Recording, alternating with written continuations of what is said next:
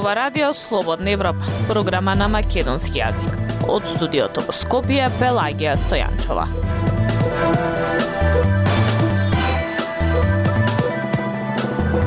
Во денешната емисија на Радио Слободна Европа објавуваме многу толкувања за тоа дали може да се раскине договорот со Бугарија. Вардар може да остане скопска канализација ако пропадне проектот за пречистителната станица. САД обвинува дека Русија во последните години потрошила повеќе од 300 милиони долари за влијание врз светската политика. Слушајте не. Независни вести и анализи за иднината на Македонија на Радио Слободна Европа и слободнаевропа.мк. Меѓународните договори не се света книга. Од договор може да се излезе, вели професор Миријана Најчевска, откако председателот на собранието го отварли барањето за референдум на ВМРО ДПМН за поништување на договорот со Бугарија. Професорот по уставно право Јетон Шасивари пак вели дека меѓународните договори не може да се поништат со закон. Срејан Стојанчов. Едни се повикуваат на устав, други на закон, трети на деловник. Едни вадат едни членови од законите, други истите ги толкуваат поинаку. Сите вадат аргументи за подкрепа на својата теза. Одлуката на председателот на собранието Талат Джафери да ја отфрли иницијативата на ВМРО ДПМН за референдум за поништување на договорот со Бугарија ја подели и политичката и експертската јавност. Джафери и владеачки од СДСМ тврдат дека Уставот не дозволува менување на меѓународни договори со закониот и почитувањето на општо прифатените норми на меѓународното право е темелна вредност на македонскиот устав. Опозицијската ВМРО ДПМН вели дека законот за референдуми дозволува такво изјаснување на граѓаните. Левица смета дека Джафери нема право мериторно да ја оценува иницијативата за референдум, туку само неизината уредност од формално правен аспект. Професор Јетон Шасивари вели дека меѓународни договори не може да се поништат со закон. Од друга страна, професорката Мирјана Најчевска вели дека меѓународните договори не се свети книги.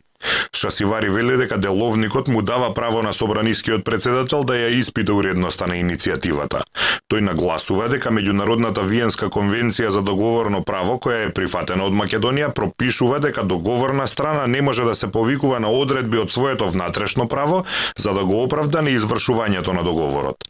Затоа тој договор не може да се поништи со закон. Тој тврди дека референдум за договорот со Бугарија можел да се организира само пред ратификација на договорот. Можело законски, согласно член 24 од Закон за референдум, да се организира од 1 август 2017, тоа е денот кога е склучен, односно подпишан, до 15 јануари 2018 година, тоа е денот кога е ратификуван од страна на парламентот согласно нашиот устав. Од друга страна, Најчевска вели дека власта според уставот е во рацете на граѓаните, а референдумот е еден од начините на практикување на таа власт.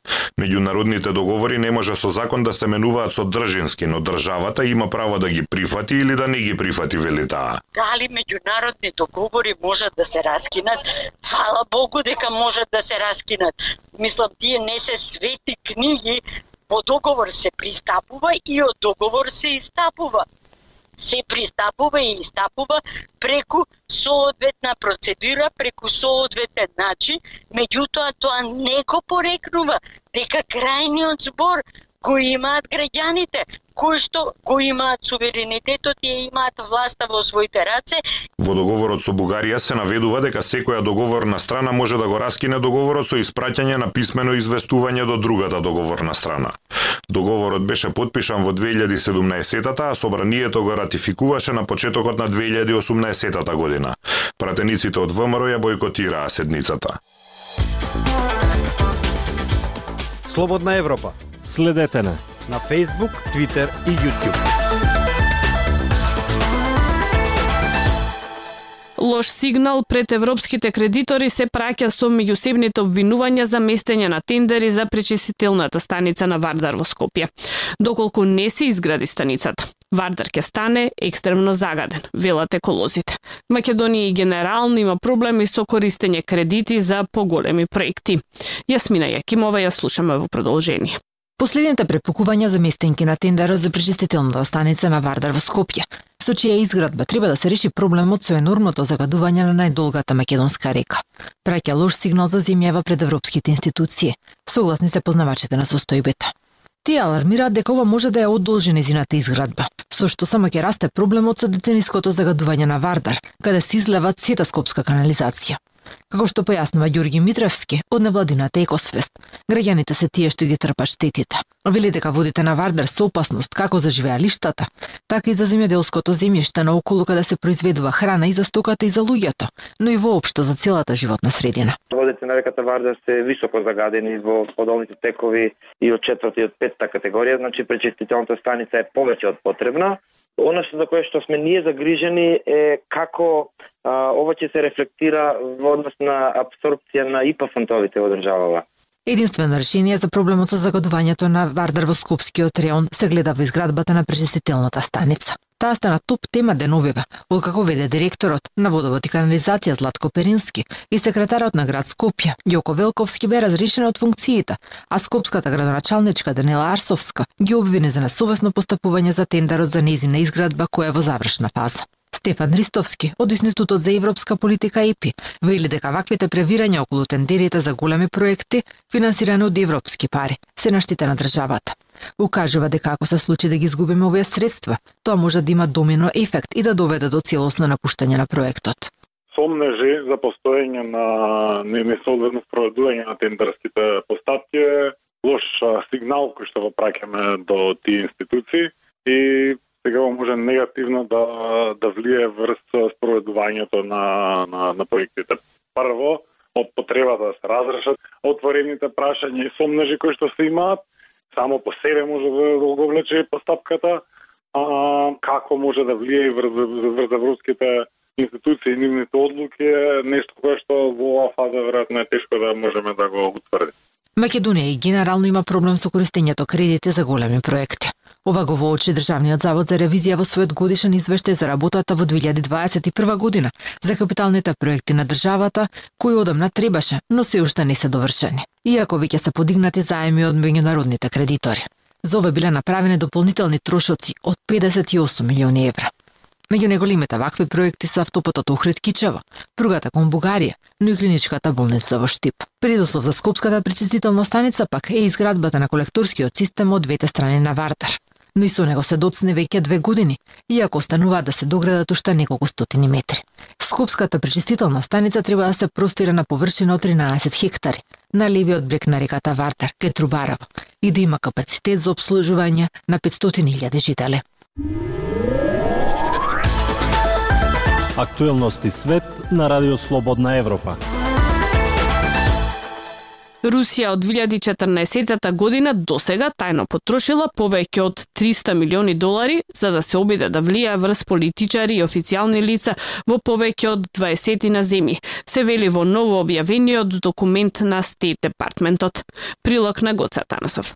Во документот на Стет Департментот не се наведуваат конкретни руски цели, но се вели дека САД обезбедуваат доверливи информации на голем број земји. Ова е најнов обид на администрацијата на председателот Џо Бајден да декласифицира разузнавачки информации за руските воени и политички цели, откако беа направени проценките кои на крајот се покажаа точни дека Русија ќе започне нова војна против Украина. Многу од највисоките безбедносни функционери на Бајден имаат долгогодишно искуство во спротиставување на Москва и служеа во владата кога рускиот председател Владимир Путин започна обемни кампањи за влијание врз председателските избори во Соединетите држави во 2016 и 2020 година. Висок владин функционер укажа на наводите за руско влијание на неодамнешните избори во Албанија, Босна и Херцеговина и Црнагора, земји кои историски се под притисок од Москва, наведува новинската агенција Associated Press. Црногорската политичка коалиција Демократски фронт, која во моментов преговара за формирање нова влада на Црнагора, и српскиот член на председателството на Босна и Херцеговина, Милорад Додик, добија тајни суми пари од Русија како дел од напорите на Москва да стекне влијание во странство, изјави извор од американската администрација кој не ги откри точните суми доделени за Додик и Демократскиот фронт.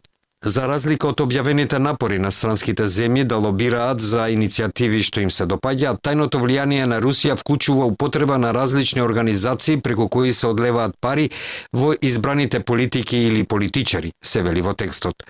Тоа вклучува институти во Европа и државни компании во Централна Америка, Азија, Блискиот Исток и Северна Африка.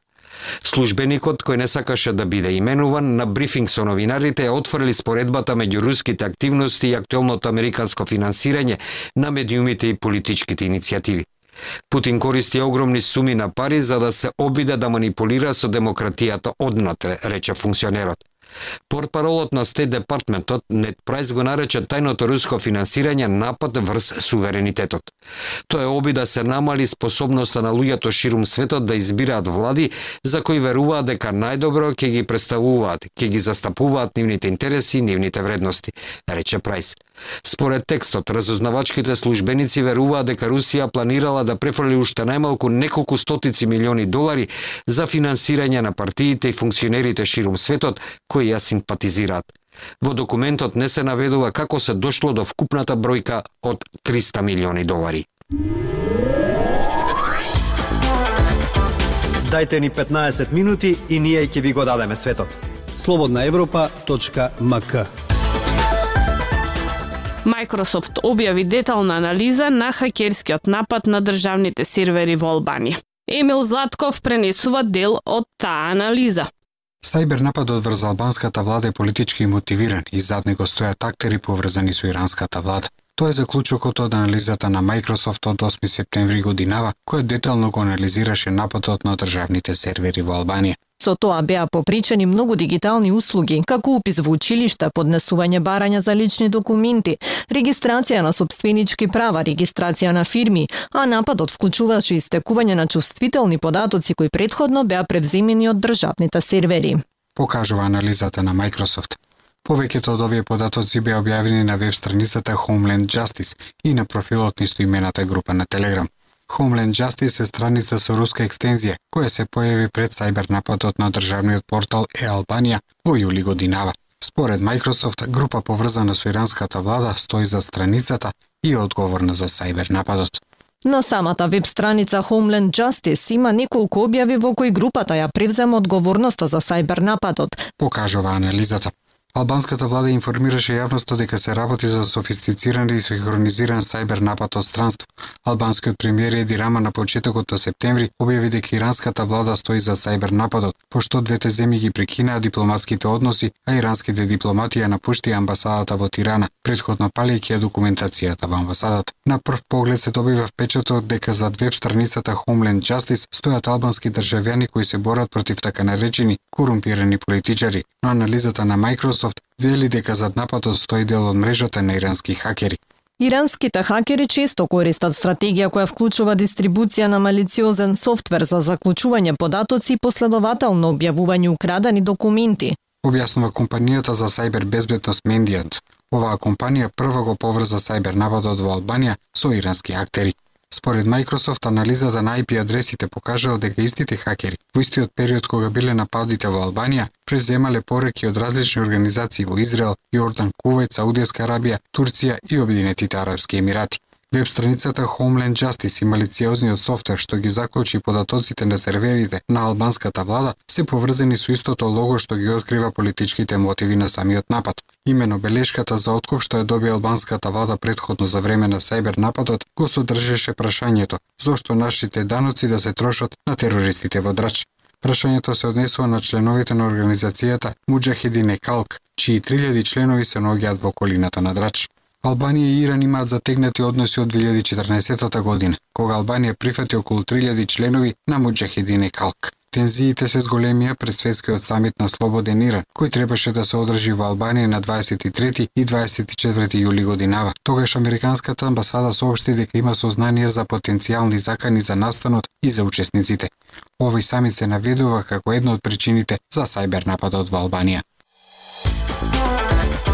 Ја слушавте емисијата на Радио Слободна Европа, програма на македонски јазик. Од студиото во Скопје со вас беа Пелагија Стојанчова и Дијан Балаловски. До слушање.